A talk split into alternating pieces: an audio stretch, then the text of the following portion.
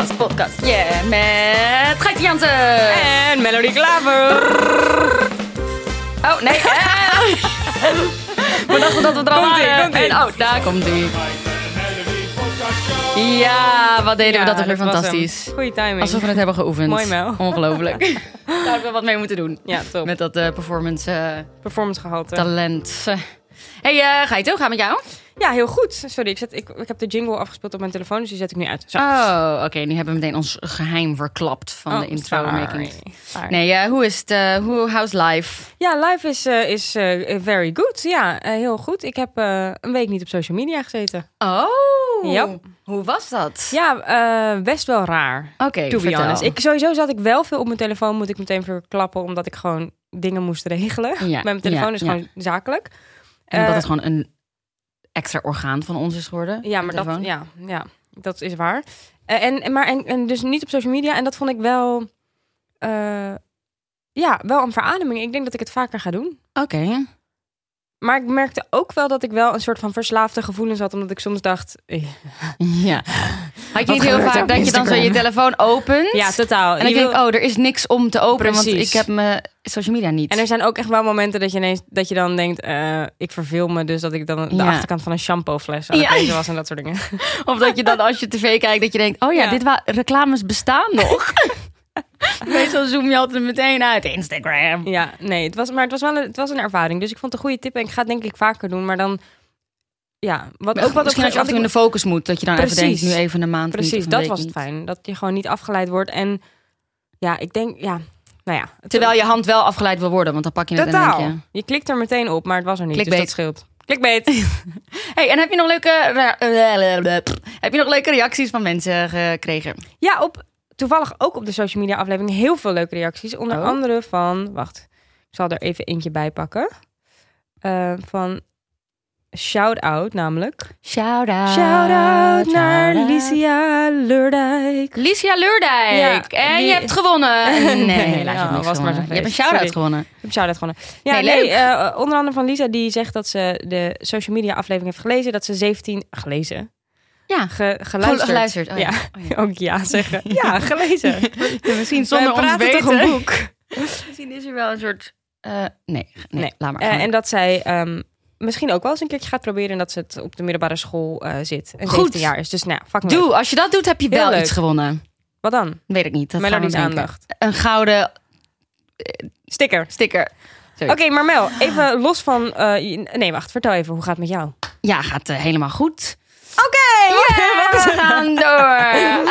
Eh, nee, eh, ja, eh, gezond. Dat is heel Belangrijk. fijn natuurlijk in deze tijden.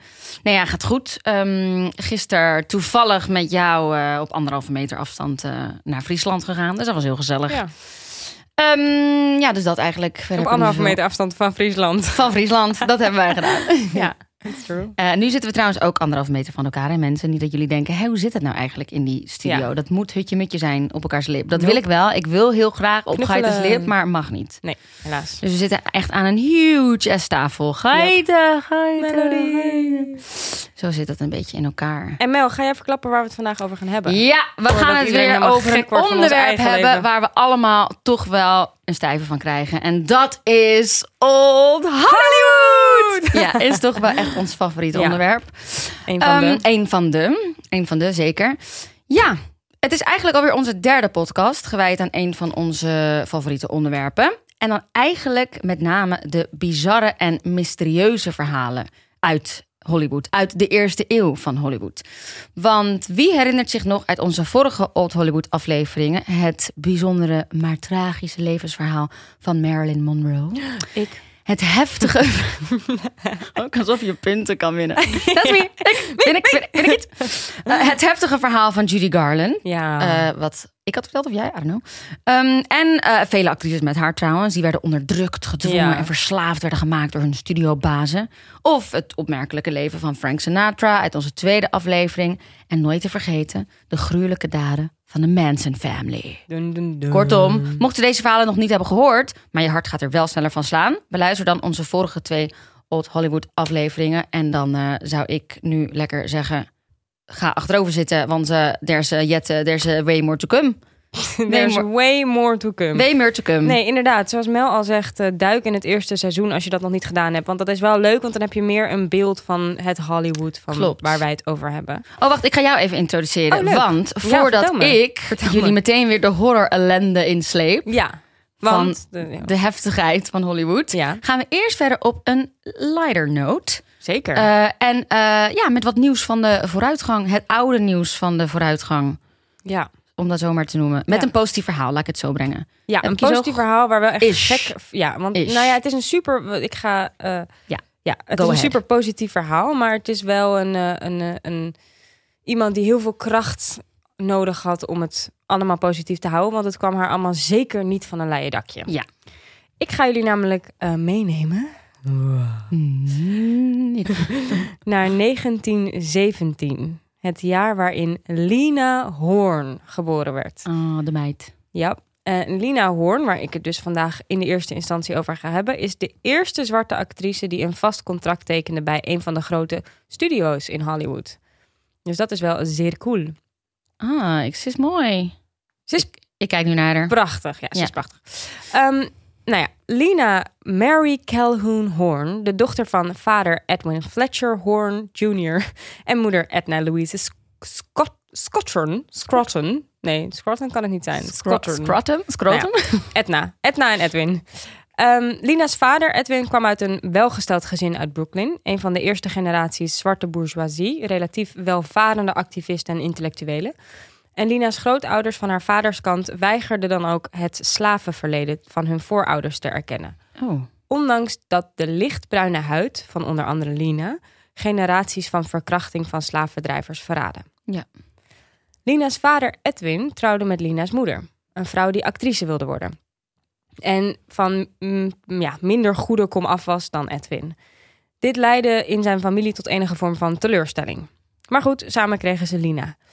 En ondanks zijn komaf verdiende Lina's vader geld door middel van ja, dit hasselen. Ze Ja? is een soort Engelse term wat eigenlijk uitdrukt dat je je geld op niet hele koosjere wijze verdient. Beetje sprokkelen. Ja, Hustling. Lina heeft dit wel eens uitgelegd in een interview, want er werd door haar wel eens gevraagd van waarom, want je vader had toch de mogelijkheid om opgeleid te worden. En toen legde zij uit dat eigenlijk als je een zwarte man was in die tijd in Amerika, dan betekende het dat je, als je überhaupt al geld had om, je, om op, jezelf op te leiden, ehm, dan kreeg je bij far niet het werk waar je voor opgeleid was. Eh, alleen maar kutbaantjes. En je werd eigenlijk nog altijd als slaaf behandeld door een witte baas. Dus het was voor heel veel eh, zwarte mannen een betere optie om, om op een wat cri- criminelere manier aan je centen te komen. Jeetje. Dus dat is wel te begrijpen. Dan heb je ook meteen een soort situatieschets van Ja. die tijd. Lina's moeder was actrice, als in, ze was gemotiveerd, getalenteerd en prachtig. Maar in haar tijd waren er slechts een paar theaters waar zwarte actrices welkom waren. En die theaters Oh, waren op zo één hand te tellen. Eentje in Philadelphia, eentje in Washington en eentje in New York. Waar ze welkom waren ook niet eens. Waar ze mochten spelen. nee, nee, waar ze welkom waren. Ongelooflijk. Horrible. Dus toen Lina in 1917 eh, geboren werd, liet haar moeder eigenlijk haar eigen droom varen en richtte zich volledig op haar prachtige dochter, die ook heel veel potentie had om een ster te worden. En die ook dezelfde ambitie bezat. Tegen de tijd dat Lina 16 was, was haar vader allang getrouwd met een andere vrouw en haar moeder was hertrouwd. Ehm, maar er kwam eigenlijk van alle kanten niet echt veel geld binnen. Dus 16-jarige Lina ging werken en kreeg haar eerste baantje in de beroemde New Yorkse Cotton Club een nachtclub in Harlem, wat een beetje een achterbuurt was, waar een volledig wit publiek naar een show kwam, kijken met alleen maar zwarte performance. Dus ze verdienden hier goed, maar het was geen fijne plek om te werken. Want je kreeg een danssolo, dus een, een, ja, een promotie, Ja. alleen maar op, op basis van de kleur van je huid. Dus je kreeg een danssolo op basis van hoe licht je, je, je huid was. Maar dat is wel gek, want de, de, de witte mensen kwamen wel om te kijken naar optredens van zwarte mensen speciaal. Maar de schoonheid van zwarte mensen werd dus nog bepaald. Ik, even een disclaimer. In deze hele podcast gebruik ik de termen wit en zwart. Omdat we, ja. Dat is, dat is op dit moment even waarvan ik denk dat het klopt. Maar ehm, wat, waarvan ik me bewust ben dat dat een, nog een discutabel onderwerp is. Dus ik hou het vandaag even bij wit en zwart. Ehm, maar ja, dus de, de schoonheid van zwarte mensen werd nog bepaald, quote-unquote, door hoe lichter je huid was. Wat Ja. natuurlijk heel krom is en ook niet waar. Ehm, daarnaast danste je als danser twee tot drie shows per avond, zeven dagen per week zonder pauze. En als zwarte artiest mocht je ook niet via de hoofdingang de club binnen. En je mocht ook geen gebruik maken van de toiletten. Als je echt per se moest plassen tijdens je werk, dan deed je dat maar ergens achter in de gootsteen waar niemand je zag. lult. Daarnaast werd de club gerund door gangsters en om politie om te kopen moesten de meisjes vaak privéshows geven aan de agenten. Dus, Weet je, net als in ondanks- Green Book, die film. Oh, die heb ik niet. Oh. Jawel, die heb ik wel Ja, gezien. dan mag hij toch Prachtige ook. Hij is een trouwens. mega Ja, bekende pianist. Ja, ja, ja. En hij mag gewoon vaak gewoon niet, totaal zo niet binnenkomen bizar. op de, op de plek Maar dat waar hij is ook nog wel merken in het leven van Lina, want die, nou ja, eh, Ja, Nee, sorry. ik ga zal het niet verklappen, maar die, het is een beetje het, hetzelfde idee van een Ja. hele bekende vrouw die dus ook heel veel nog niet mag. Ehm, dus goed, ondanks dat Lina in 1934 gepromoveerd werd tot showgirl in plaats van chorus girl, wat betekende dat je een solo mocht zingen, Ja, ja. was Lina heel blij toen ze in 1936 werd gevraagd om zangeres te worden in een toerende band genaamd Noble Sissel. Dus ze kon daar weg bij de Cotton Club. Want ze heeft in interviews later ook nog vaak gezegd dat ze het. Ja, dat ze dankbaar was voor het geld, maar dat het gewoon natuurlijk een kutplek was verder om te werken, omdat ze continu gediscrimineerd werd. Ja. Sissel diende als een soort mentor voor Lina. Hij zorgde heel goed voor haar, hij leerde haar tapdansen en hij hielp haar zich sterker te kunnen verweren tegen de vooroordelen over zwarte mensen van die tijd. Maar de tour met Sissel was ook niet echt fancy, want er was geen geld en als volledig zwarte band waren ze bijna nergens welkom. Dus bleef Lina tot begin 1937 bij de band en toen stopte ze op 18-jarige leeftijd om te trouwen met Louis Jordan Jones de zoon van een minister en een vriend van haar vader. Lina stopte dus met de showbusiness om met hem te settelen in Pittsburgh, tot teleurstelling van haar moeder. Maar al gauw was Lina zelf ook een beetje teleurgesteld, want Louis bleek losse handjes te hebben. Oh, het zal eens niet, hè? Zal eens Zal eens niet. niet. Maar goed, in 1937 Was het een normale koek van de dag? Dat nou, is geen dat hoop ik toch niet. Maar, ze- maar verzonnen Lina werd in elk geval wel zwanger. Dus die kon even geen kant op. Ze werd zwanger van haar dochter Gail. Ehm, maar Lina miste het optreden verschrikkelijk. Ever sinds dat ze gesetteld was. Dus ze ging eh, heel veel naar de film. Om nog een beetje die Ja. vibe in zich te krijgen. En net toen ze bevallen was van haar dochter... werd ze ineens gebeld of ze de hoofdrol wilde spelen... in een low-budget musical met een volledig Oh. zwarte cast genaamd The Duke is Tops. Wat vet. Hebben we daar geen geluidsfragment van? Nee, maar dat, er komen wel nog een aantal geluidsfragmenten. Maar ik zal je vertellen waarom niet. Want Oh. hierin komt namelijk zo meteen echt een boss-ass bitch move. Oh, dat is heel vet. Oh my god. Want Lina wilde dit vet graag doen. Haar man Louis wilde het niet. Maar hij kon haar niet tegengehouden, want hij verdiende zelf niet genoeg. Ehm, dus Lina liet haar man en dochter voor tien dagen achter om te filmen in Los Angeles. En ze dacht daar van, nou, dit wordt een hele vette film. En later wordt er een podcast met geluidsfragmenten over deze film. maar helaas, The Duke is Tops bleek een hele slechte film... waarin Lina ook niet heel sterk is. En de producer die had al zijn geld opgemaakt... nog voordat hij iemand had uitbetaald. Je lult. Yep. En hier komt dus de coole move. Toen Lina werd uitgenodigd op de première, bedankte ze vriendelijk met de brief: Professional appearances should be made on a professional basis. AKA, deze van jou. Ja. ik stuur je naar je moer, betaal me. Want Ja. dat is, dat, daarvoor ben ik hier. Bitch better have my money. ja. Snap ik. Ik Is dat, het- Ik heb namelijk eens een heel sick interview met haar gezien. Ze was ten eerste bizar intelligent. En Mega. ook, ze sprak super poëtisch en super Ja, het is echt een kunstenares in, in de meest... in haar taal. Ja. En sowieso allemaal waren ze heel talent hoor, vroeger. En ja, nou ja, goed. En ja, in, in Amerika gewoon die, die tijd. Ik had het gevoel... Het was natuurlijk ook gewoon een skill. aan, als je, ja. als je gewoon... eh, communi- communicatie was een skill. Dat moest je ook gewoon oefenen. Ja, maar Nu, als je soms mensen op twee hoort, net als ik, dan kunnen ze hun zinnen gewoon amper niet afmaken. Heb ik ook last van. Dat ze eh, een beetje zo, nou, weet je, laat maar. Dat. maar wat wou je zeggen? Ik weet niet meer eens meer wat ik wou zeggen. Dat ik haar gewoon fascinerend vond Ja, want praten. niet over, niet over deze... eh, Nou, ik dacht, oh ja, dat wou ik zeggen. Die, Ja. die, die, die quote van jou, komt dat uit het interview? Wat je net zei. Nou, ze verwijst er wel vaak aan terug. Ja. Want wat er namelijk gebeurt, ik weet niet of we hetzelfde interview hebben gezien. Ik heb er echt ook heel veel met haar gezien. Ehm, maar ze verwijst er vaak naar, omdat dit is voor haar een heel tekenend moment. Omdat zij eigenlijk zegt van, yo, ik ben gewoon een, eh, een vrouw die je huurt me in, dus betaal me. Ja. Gewoon een, wat voor nu zou dit heel, heel normaal zijn. Maar toen werd ze hierdoor echt bestempeld als een diva. Dus ze had Oh. hierna wel, dankzij deze move, had ze wel een soort van naam. Want het kwam ook aan allemaal plaatselijke kranten terecht. Ja. Sowieso kan heel veel eh, mensen in de entertainment-industrie daarvan leren. Gewoon altijd geld vragen voor gewoon je, je, je Ja. performances. Wordt natuurlijk nog te vaak gewoon verwacht van, van mensen. Ah, dat kom je toch wel even doen. Ja. Gratis? Eh, nee. Ja, vervolgens zitten wij hier een podcast te maken voor op, maar Prim. Ehm, Ja, Goed. joh, we doen het voor de, voor de, voor de, voor de de, gezelligheid. luisteraars. En de gezelligheid. Eh, in de maanden die volgden kreeg Lina een zoon, die ze naar haar vader vernoemde Edwin. En ze zong op feestjes en partijtjes om geld te verdienen. Maar in augustus van 1940 liep haar huwelijk dan toch echt op zijn einde. Op een bewuste avond bracht Lina haar kinderen tijdelijk bij een buurvrouw en verliet haar man. Ze ging naar New York, eigenlijk een beetje vluchten van haar man, en probeerde hier aan werk te komen wat niet echt lukte. Maar uiteindelijk kreeg ze dan toch een gig bij een witte muzikant, Charlie Zo. Barnett. En Barnett zorgde heel goed voor Lina. Financieel en ook eh, hielp hij haar met veel klusjes, et cetera, et cetera. Maar op een gegeven moment kreeg hij een klus in het zuiden, waar Lina vanwege haar huidskleur niet welkom was. Dus hij kon haar niet meenemen. Dus toen gaf hij haar een paar weken salaris, waarmee Lina weer naar de kindjes kon ehm, en de scheidingspapieren kon tekenen. En voor de voogdij van haar kinderen mocht vechten, kon vechten. Wow.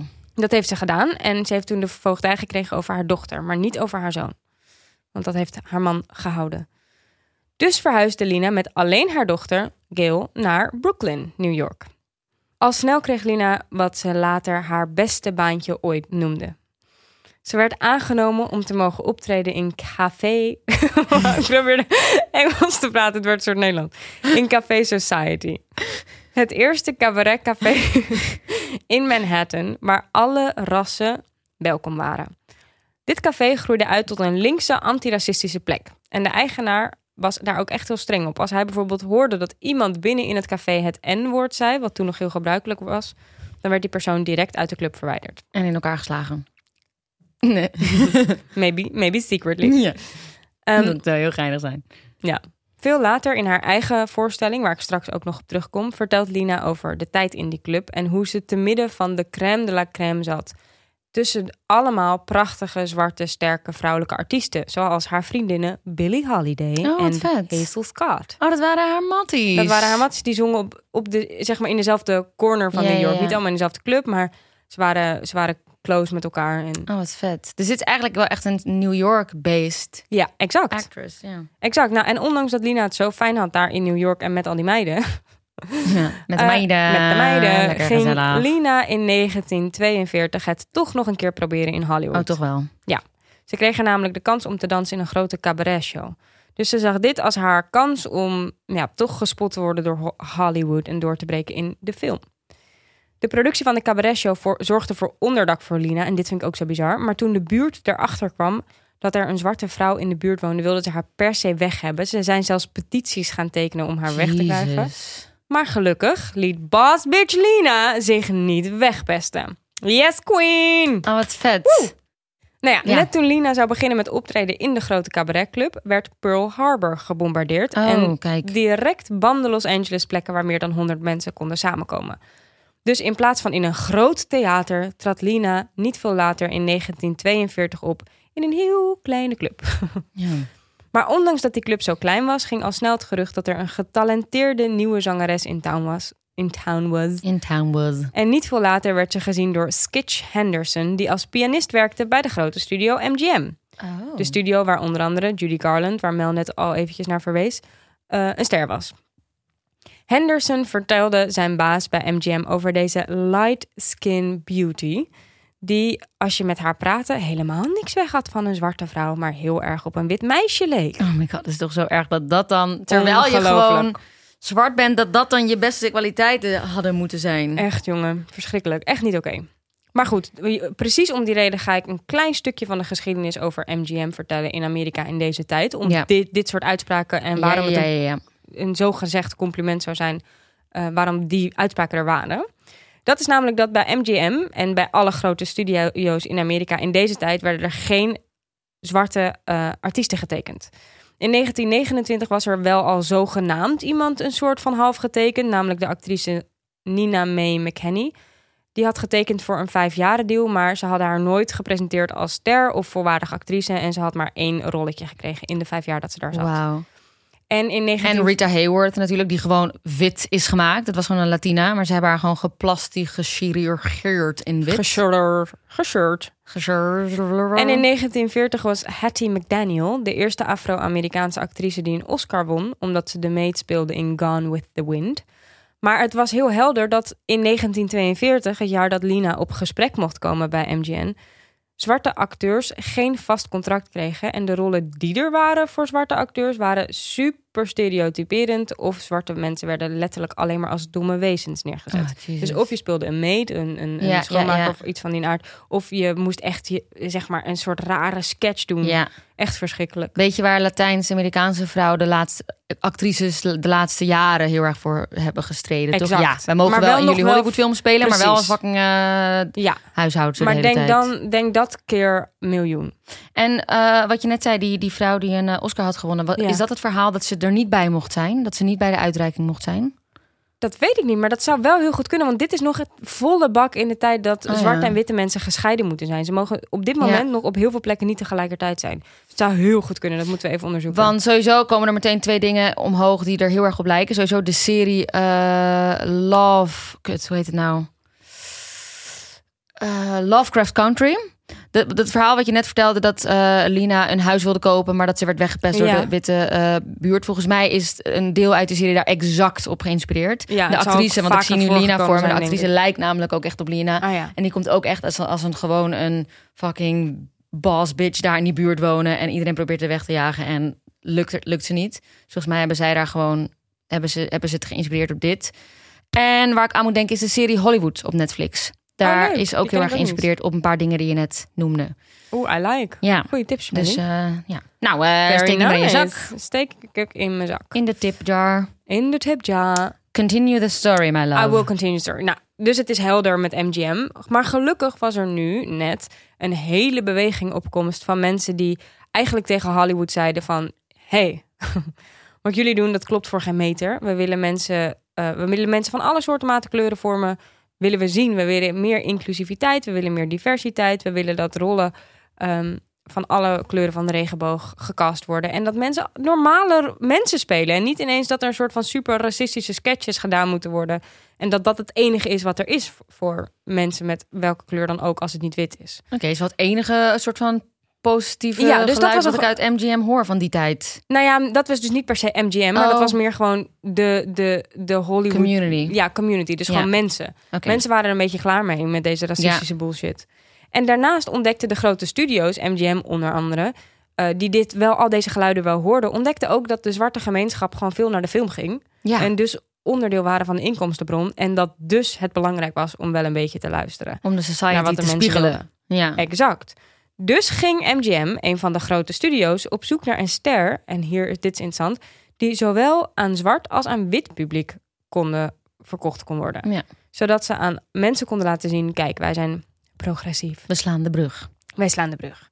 En dus werd Lina Horn uitgenodigd op de MGM-lot om te komen zingen op 31 januari 1942. Oh, die tijden. 1942, gewoon volle bak in de Tweede Wereldoorlog. Bizar, hè? Sick ook, ja. Ehm, wat uiteindelijk straks is, dat wordt dat nog een groot deel van haar carrière. Want daardoor wordt ze eigenlijk groot. Maar dat ga ik straks vertellen. Ja. Dus Lina tekende een contract bij MGM. En in dit contract stond onder andere dat ze haar echt zouden inzetten als voorwaardig per- performer. En dat ze haar dus gelijk zouden behandelen als de witte acteurs. Nou, dus dit is al een huge step de goede richting in. Ja. Maar goed, ze was wel de eerste.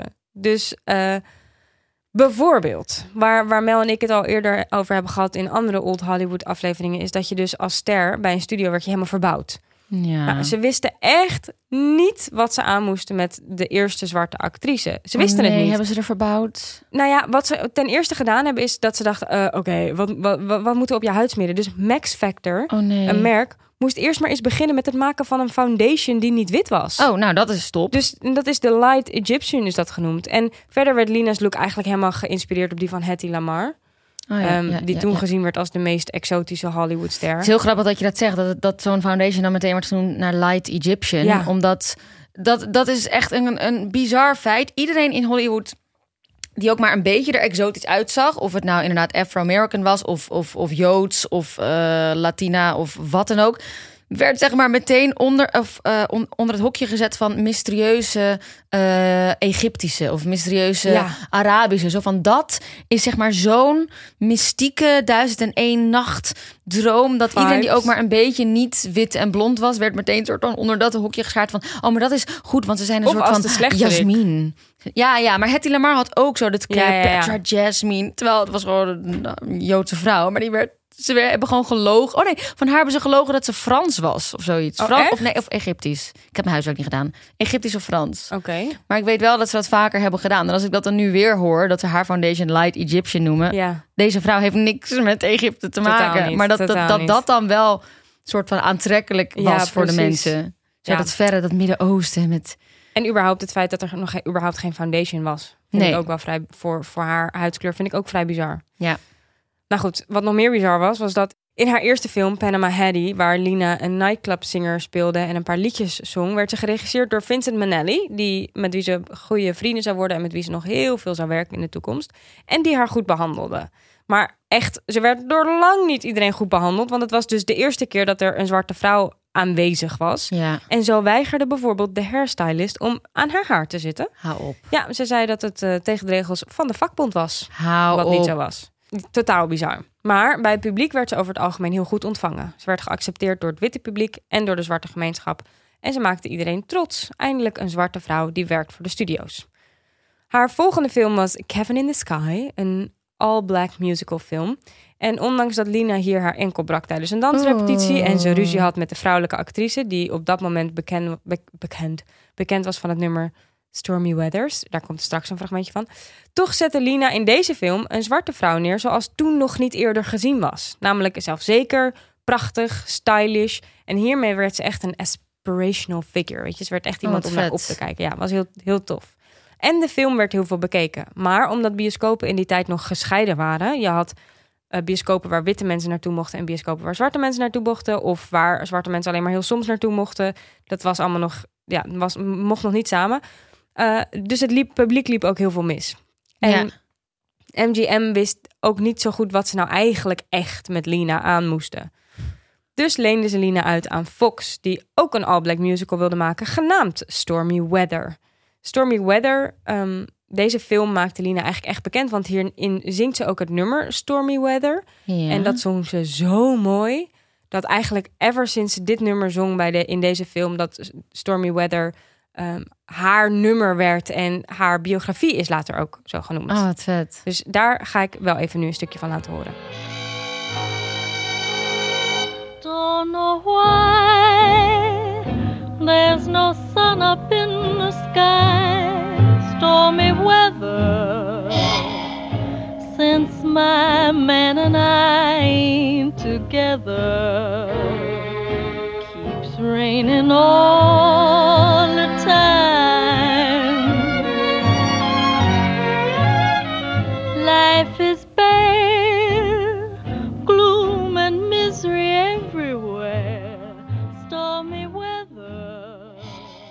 Prachtig. Supermooi. En dan hoor je ook Heel vet. een stem bij het verhaal. En iedereen kent het ook. Ja, als je het hoort, het dat, dat is ook zo grappig met al die oude dingen. Pas als je het verhaal erachter kent, dat je denkt... oh wow, maar dit deuntje of dit, dit, Ja. dit nummer ken ik Ja. gewoon heel goed. Totaal. Geinig. Maar Stormy Weather, dat was ook een wake-up call voor Lina. Want haar tegenspeler in deze musical was drie keer haar leeftijd. En ze besefte zich dat eigenlijk alle andere zwarte acteurs... nog steeds werden gecast voor sti- stereotyperende rollen. En er was gewoon niet echt iemand voor Lina Hoorn om mee te spelen. nee. Er was niemand die, eh, geen mannelijke acteur bijvoorbeeld, die op dezelfde manier werd ingezet in Hollywood als zij. En daarnaast had ze super veel te maken met racisme. Ze voelde zich ook de hele tijd gehaat, want door zwarte Hollywood acteurs werd ze uitgemaakt voor een, voor weet je, dat ze zichzelf had verkocht en dat ze alleen maar met ma- mannen naar bed ging en dat ze het daarom beter had dan Ja. de mensen die alleen maar voor stereotyperende dingen werden gevraagd. Maar bij de witte mensen werd ze nog steeds uitgespuugd en was ze helemaal niet welkom. En op heel veel feestjes was ze niet welkom. Wat dus- een verschrikkelijk En ze mocht ook heel vaak niet spelen met witte acteurs. En als ze dus wel mocht spelen met witte acteurs, en dit mocht alleen maar als ze geen verleidster speelde, terwijl ze juist voor Ja. haar schoonheid zo vaak werd ingezet, dan werd het altijd zo gedraaid dat ze er ook weer uitgeknipt kon worden, omdat sommige bioscopen in het zuiden niet toe waren aan zwarte sterren. Je lult. Nope. Dus Zo. Lina begon zich steeds meer een soort van slap excuus te voelen. Eh, en ja, ze, had, ze, ze, ze vond het gewoon stom. Want ze had zoiets van... MGM heeft mij alleen maar aangenomen... zodat als mensen naar MGM gaan en zeggen... jullie moeten inclusiever worden... dat zij kunnen zeggen... Gewoon als we hebben Lina excuusactrice. Ja. als excuusactrice. Eh, en ze had ook dat er geen mannelijke tegenspeler voor haar was aangenomen... bewijste voor haar ook echt van... joh, je hebt gewoon geen plannen met mij. Dus wat is dit eigenlijk voor bullshit? Ja. In 1943 speelde Lina in vijf films met witte hoofdpersonen, waarin zij dan over het algemeen zo één rolletje had. Ja. Maar op een van die sets kwam ze wel Lenny Hayden tegen, een Joodse pianist die werkte voor MGM. En zij twee gingen een beetje daten. Oké. en al Lina snel sloeg de vlam over in de pan. Vlam in de pan. Vlam in de pan. Maar ze moesten discreet zijn, want een verhouding, een interrationale, inter, hoe zeg je dat? Interracial? Inter- ja, interracial, maar hoe zeg je dat in het Nederlands? Interraciaal? Ja, een, een, nou, in elk geval een verhouding van ver- mensen van verschillende rassen of kleuren, of hoe je het wil noemen, was binnen MGM, maar ook daarbuiten, zeker niet gewaardeerd. Dus ze hielden hun verhouding geheim. Ja. En in 1943, datzelfde jaar, kreeg Lina veel publiciteit door die vijf films die uitkwamen. Maar ze had eigenlijk nauwelijks werk. Omdat ze dan af en toe zo één liedje moest komen zingen op de set. En dat, dat was het dan weer. Dus trad Lina heel veel op voor militairen. Again. Kijk, Dat naar, kijk, ja, kijk naar onze andere podcast. Zo, waar, want je hoort het ook over Marilyn Monroe, die veel militairen absoluut. De. Hollywood Canteen, toch? Dat Ja, was dan zo precies. in L.A. waar, ze, waar de militairen, naartoe- konden voor vermaak. exact. Of zij gingen naar het front. Ja, en, en Lina deed allebei. Die was zo gewild eh, dat zij Ze was ook pin-up eigenlijk. Zij is de eerste zwarte pin-up model. Dat Zo. is ze. Nou, Eh, van een groot studio. stop die maar in je kluis. Ja, nou, nou, precies dit alles wat Mel nu zegt, is waarom ze zo geliefd was bij de militairen. Want ze was de allereerste persoon die hem dus die in je kluis gestopt kon worden, Ja, die een pin-up was van een groot studio, die niet wit was. ja en Dus- ook... Ja, En er zijn natuurlijk soldaten van alle kleuren van de regenboog. Dus ze voor een hele grote groep mensen Ja. was zij gewoon. En niet iedereen valt op Marilyn Monroe. Dat ook. En het was ook voor heel veel mensen dat ze dachten... ja, wij, wij vallen honderd miljoen keer meer op Lina. Duh. Ja. Een prachtvrouw. Ehm, dus wat heel grappig was... die soldaten waren zo fan van haar vrouwelijk schoon... dat ze dus allemaal fanmail hebben gestuurd naar MGM. Maar echt in zulke grote getalen... dat Lina gewoon een steeds, door de soldaten een steeds grotere ster werd... en echt naar de televisie ging en naar is, de radio ging. Er wordt, ze is bloedmooi, dat wordt ook vaak gezegd. Maar die sterren vroeger, die konden echt wat. Als in, zeg maar, wij ac- acteren ook. Maar zij, jongen, die, hoe die dansen, hoe die zingen, hoe die tapdansen. Dat is, Die moeten alles kunnen. die moet alles kunnen. Showdansen, split in de Ja. lucht, acrobaat. Ja. Ja. het is niet normaal. Ja. Sick. Ehm, Sorry, ik was Nee, helemaal nee, nee, weer helemaal eh, je verhaal aan het uh, ja, dus dat is ook helemaal waar. Maar goed, dus een, een, een ja, punt, punt gemaakt van de, van de soldaten die Lina eigenlijk die hebben bijgedragen, gebe- bijgedragen aan haar stardom. Ehm, hebben bijgedragen. help hebben bijgedragen. Hebben bijgedragen. En terwijl Lina op tour was om voor verschillende troepen soldaten op te treden, werd in kerst 1944 In ehm, kerst 1944 werden op heel veel plekken de scheidingsregels, de rassenscheidingsregels, eh, opgeheven. Ja, Dus dat betekende dat Lina nu ook voor interrationaal, ja, dat is het woord ken ik gewoon niet, voor, eh, voor gemengde publieken kon zingen. Ja.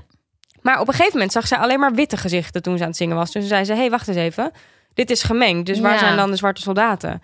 Maar die mochten niet komen. zo. Dus toen zei Lina: oké, dan wil ik morgen voor alleen de zwarte soldaten Hey, zingen. En dan mogen de ik. witte soldaten niet komen. ja, gruwelijk. En toen is ze begonnen met zingen voor de zwarte soldaten. En toen werden er toch witte soldaten binnengelaten. En toen zei ze, nope, ik stop. En ik ga vanaf deze dag nooit meer voor witte soldaten zingen. Alleen nog maar voor zwarte soldaten zingen. Zo, dus ze, zo. Dus zij heeft zich, ze was echt een keiharde activiste gewoon. Wat vet. En- dus eerst deed ze een avond voor alleen wit soldaten en daarna... Maar niet, ze dachten dat voor gemengd publiek... Het was voor gemengd publiek, maar ze hadden gewoon de zwarte... Mochten gewoon van de witte niet binnenkomen. En de volgende dag zei ze alleen voor de zwart, maar toen kwamen de witte toch stiekem. Ja. En toen zei ze gewoon, stop de show. Ja, stop de show, dit doe ik niet. Het is of alleen, ik ga oh alleen my voor zwart. god.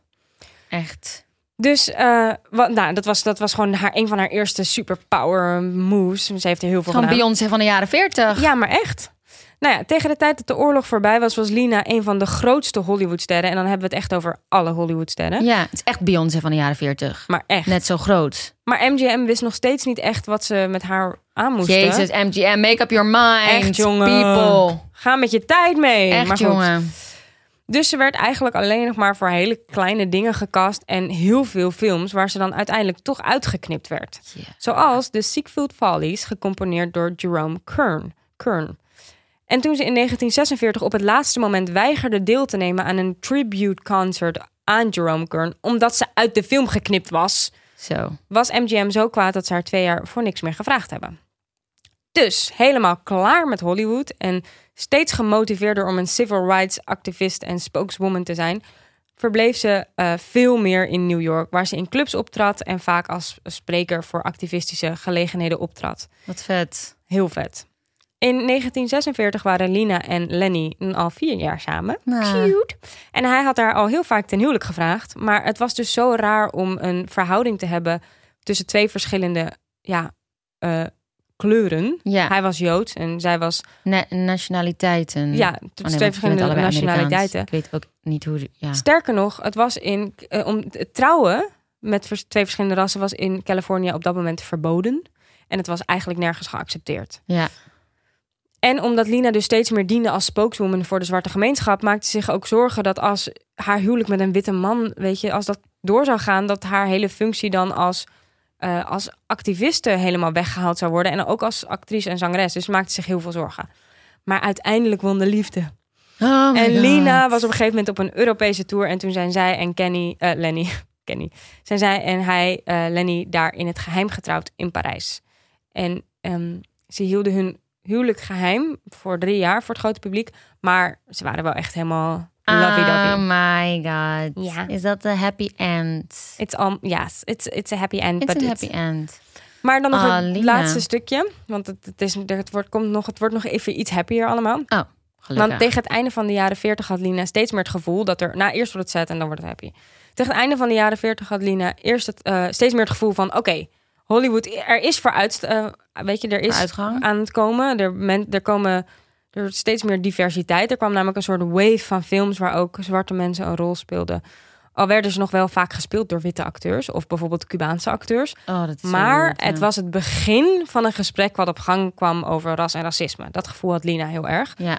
Dus Lina wilde ook meedoen in deze wave van films. En ze zag voor zichzelf ook wel een paar rollen. Dus op een gegeven moment zei ze tegen MGM... ik wil de hoofdrol spelen in Pinky. Dat is namelijk, gaat over een light-skinned black woman... die als wit doorgaat en daarom lukt het haar om verpleegster te worden. Zo. Dus Nou. om deze rol te krijgen ging Lina naar MGM... waar ze nog steeds onder contract stond... al werd ze daar niet meer gevraagd voor films. En ze smeekte om de rol. Hoe heet Maar- de film? Pinky. Pinky. Maar MGM wilde haar de rol niet geven. Want ze was zogezegd te beroemd als een zwarte ster, dus niemand zou geloven. Terwijl Dat- zij is gegoten voor die rol. Exact. Zij is een mega lichte... Ja. Nou, dit, de, de film is... Dat gaat over haar. Ja, Alleen dan als verpleegster. maar Wat goed, de film, dus de rol ging naar de witte actrice. Nee. Ja, Jeannie Crane of Jean Crane, ik weet niet precies Die deed alsof ze zwart was, die zo licht was dat ze wit voor het wit doorging. Dus Wat om even aan te geven hoe erg niet ver we zijn in de tijd, hè? Zo. Dat, is echt dat zou nu Thank Christmas niet meer kunnen. Terwijl ik hoop trouwens, luisteraars, dat jullie ook een beetje. Het, dat is echt interessant om een beetje mee te googlen met de plaatjes. Dat, we, dat je ook echt een beeld hebt van al die dingen. Het is echt wel is interessant te leuk, hoe maar het gewoon. hoeft niet hoor, want ik luister bijvoorbeeld heel vaak podcasts op de fiets. Ja, maar het is toch ook leuk om met een beeld bij te Ja, maar hebben, vrouw. je hebt ook helemaal gelijk. Nou, ik heb nu de filmposter van Pinky voor me. Vind Ja, ik precies. interessant. Nou, en die Jean Crane, eh, of ja, laten we de Jean Crane noemen, die dus die hoofdrol kreeg in Pinky, die is ook nog eens genomineerd voor een Oscar. rol. Dus Lina was gewoon pissig. Die kreeg helemaal de scheid met alles, alle ellende. Dus die dacht, fuck it, ik ga gewoon helemaal, ik ben klaar hiermee. Ja. Dus wat deed zij als tegenreactie? Zij maakte haar huwelijk met Henen bekend. En ze ging zelfs een Joodse Davidster dragen, omdat ze dat wilde. En ze bood zich overal aan als activistische spokeswoman. Goed Yes, zo. girl! Ze was gewoon helemaal klaar ermee. Ja. Maar ze bleef hoop houden dat MGM haar, MGM haar tenminste zou bellen voor de rol waar Lina al- al jarenlang naartoe gewerkt had. Namelijk die van Julie in Showboat. Hier had ze al jaren voor geoefend en ze had al een paar nummers ingezongen. Maar uiteindelijk ehm, kreeg Lina weer te horen wat ze altijd hoorde. Ze weigerde haar de rol omdat ze te zwart was. Mind fucking you. Ehm, het is zo raar ook om te bedenken, omdat ze ook echt is aangenomen omdat ze zeg maar, ja, zo debiel. Maar goed, uiteindelijk kreeg haar vriendin Eva Gardner, again a white woman, deze rol. Hmm. Die de opdracht kreeg om Lina zo goed mogelijk na te spelen. Ze werd zelfs gemake-upt met de foundation die gemaakt was voor Lina. Maar, en nu gaan we naar het happy ending. De sterke Lina, over wie nog veel meer te vertellen is, liet zich wederom niet kisten. En deze mega bloedtopper van een vrouw maakte in 1980 zo een sikke comeback met haar eigen voorstelling. Die heet Lina Horn, The Lady and Her Music. En deze volledige show kun je terugkijken op YouTube, helemaal in zijn geheel. Oh, wat vet. Het is echt fantastisch. Het is echt prachtig. Lina lijkt hier in niks op de ster die MGM heeft gep- eh, geprobeerd neer te zetten. Ze is hier prachtig. Ze is mega sterk. Ze is geaard. Ze is krachtig. Ze heeft echt een mega stage personality. Het is echt sick.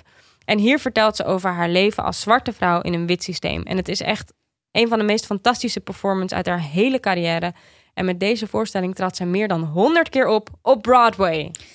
En daar hebben we ook een geluidsfragment van. Ja.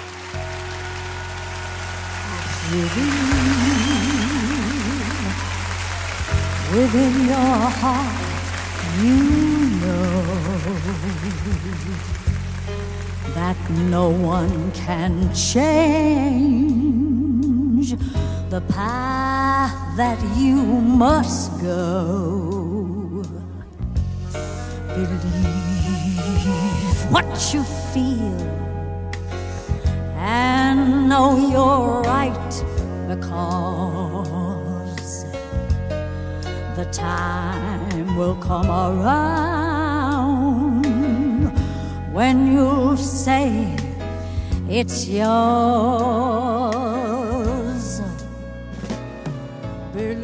Believe that you Ah, geweldig. Ja, zo te gek. Echt- afsluiter. je kan hem helemaal eh, zien dus Ja, op super. YouTube, wat ik je ook echt aanraad Go support the girl En wat ik ook nog eens leuk vond is 10 years toen... ago, but still. Ja, maar she died 10 years ago. Ze, Toen ging- we de- ze stierf inderdaad op 9 eh, mei eh, 2010 op 92-jarige leeftijd. Zo. So, she lived. Ja, goed zo, vrouw. Goed Ja. zo. Ik vind zo'n vette chick. Ik vind het zo knap dat het echt zo het schoolvoorbeeld is van iemand die niet klein te krijgen is en gewoon Ja. zo ontzettend sterk is. En ik ben ook echt dankbaar voor haar eerste stappen voor waar de wereld nu is. Zeker. Because of women like her, dat we nu alweer hele ik denk andere soort echt gesprekken voeren. heel veel... Ik bedoel, wij kennen haar ook pas sinds kort. Weten we van haar bestaan af. Ja. Ik hoop dat wij... Oh, bij Oeps. deze weer... eh, Ik Laat even mijn glas op mijn Oh, laptop vallen. sorry, eh, eh, luisteraars. Geitje is de laptop eh, kapot aan het maken.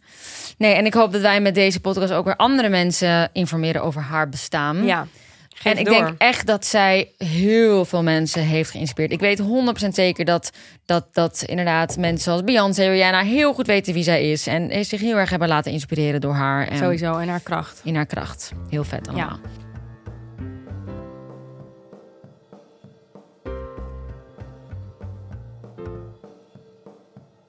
Nou, wa- wat, wat nu eh, gebeurd is, is wel eens vaker gebeurd. Bijvoorbeeld bij onze porno-aflevering van seizoen 1. eh, is dat Mel en ik een superleuk onderwerp hadden, namelijk Old Hollywood. Dus we zijn allebei helemaal losgegaan. Ik ben in Lina Hoorn gedoken en Melody heeft volgende week wat mysterieuze moordzaken voor jullie. Ja, zeker. Want inderdaad, wat we al zeiden, dit was natuurlijk een wat positiever verhaal uit Hollywood. Of in ieder geval een pioniersverhaal. Een pioneer, yes, en lady. ik ben eigenlijk vol in de horror ellende gedoken.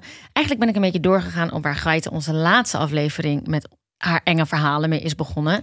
Namelijk het opsporen en het onderzoeken van een indrukwekkende lijst aan mysterieuze en bizarre moordzaken en dodelijke ongevallen uit het, jawel, het oude Hollywood van de vorige eeuw. Oh my god. heerlijk. Maar omdat we vonden dat deze onderwerpen misschien toch niet heel erg bij elkaar passen. Of misschien, weet je, misschien ben je nu nog helemaal lekker in je hum door dit blije verhaal. Dan geef je gewoon de optie om door te klikken naar het volgende verhaal. Ja, ja. Ja, Ja. nee, ja, zeker. Want weet je, ik heb zoveel bizarre verhalen. Want wie denkt dat Hollywood alleen maar rijkdom, succes, schoonheid of dit soort geiten verhalen is, heeft het heel goed mis. Eh, Hollywood heeft niet alleen de titel gekregen van filmhoofdstad van de wereld. Ook is het vaak genoeg het toneel geweest van corruptie, georganiseerde misdaad en redenen tot complottheorie. Maar nogmaals, daarvoor moet je gewoon nog even een weekje wachten. En dan neem ik je mee. Ja, naar superleuk. de. Oeh, Oké. Oké, dag lieve Heel erg mensen. bedankt voor het luisteren. En we hopen jullie volgende week weer te Z- ik de zou zeker komen, Zou ik een ook sterke absoluut maag hebt. Woehoe.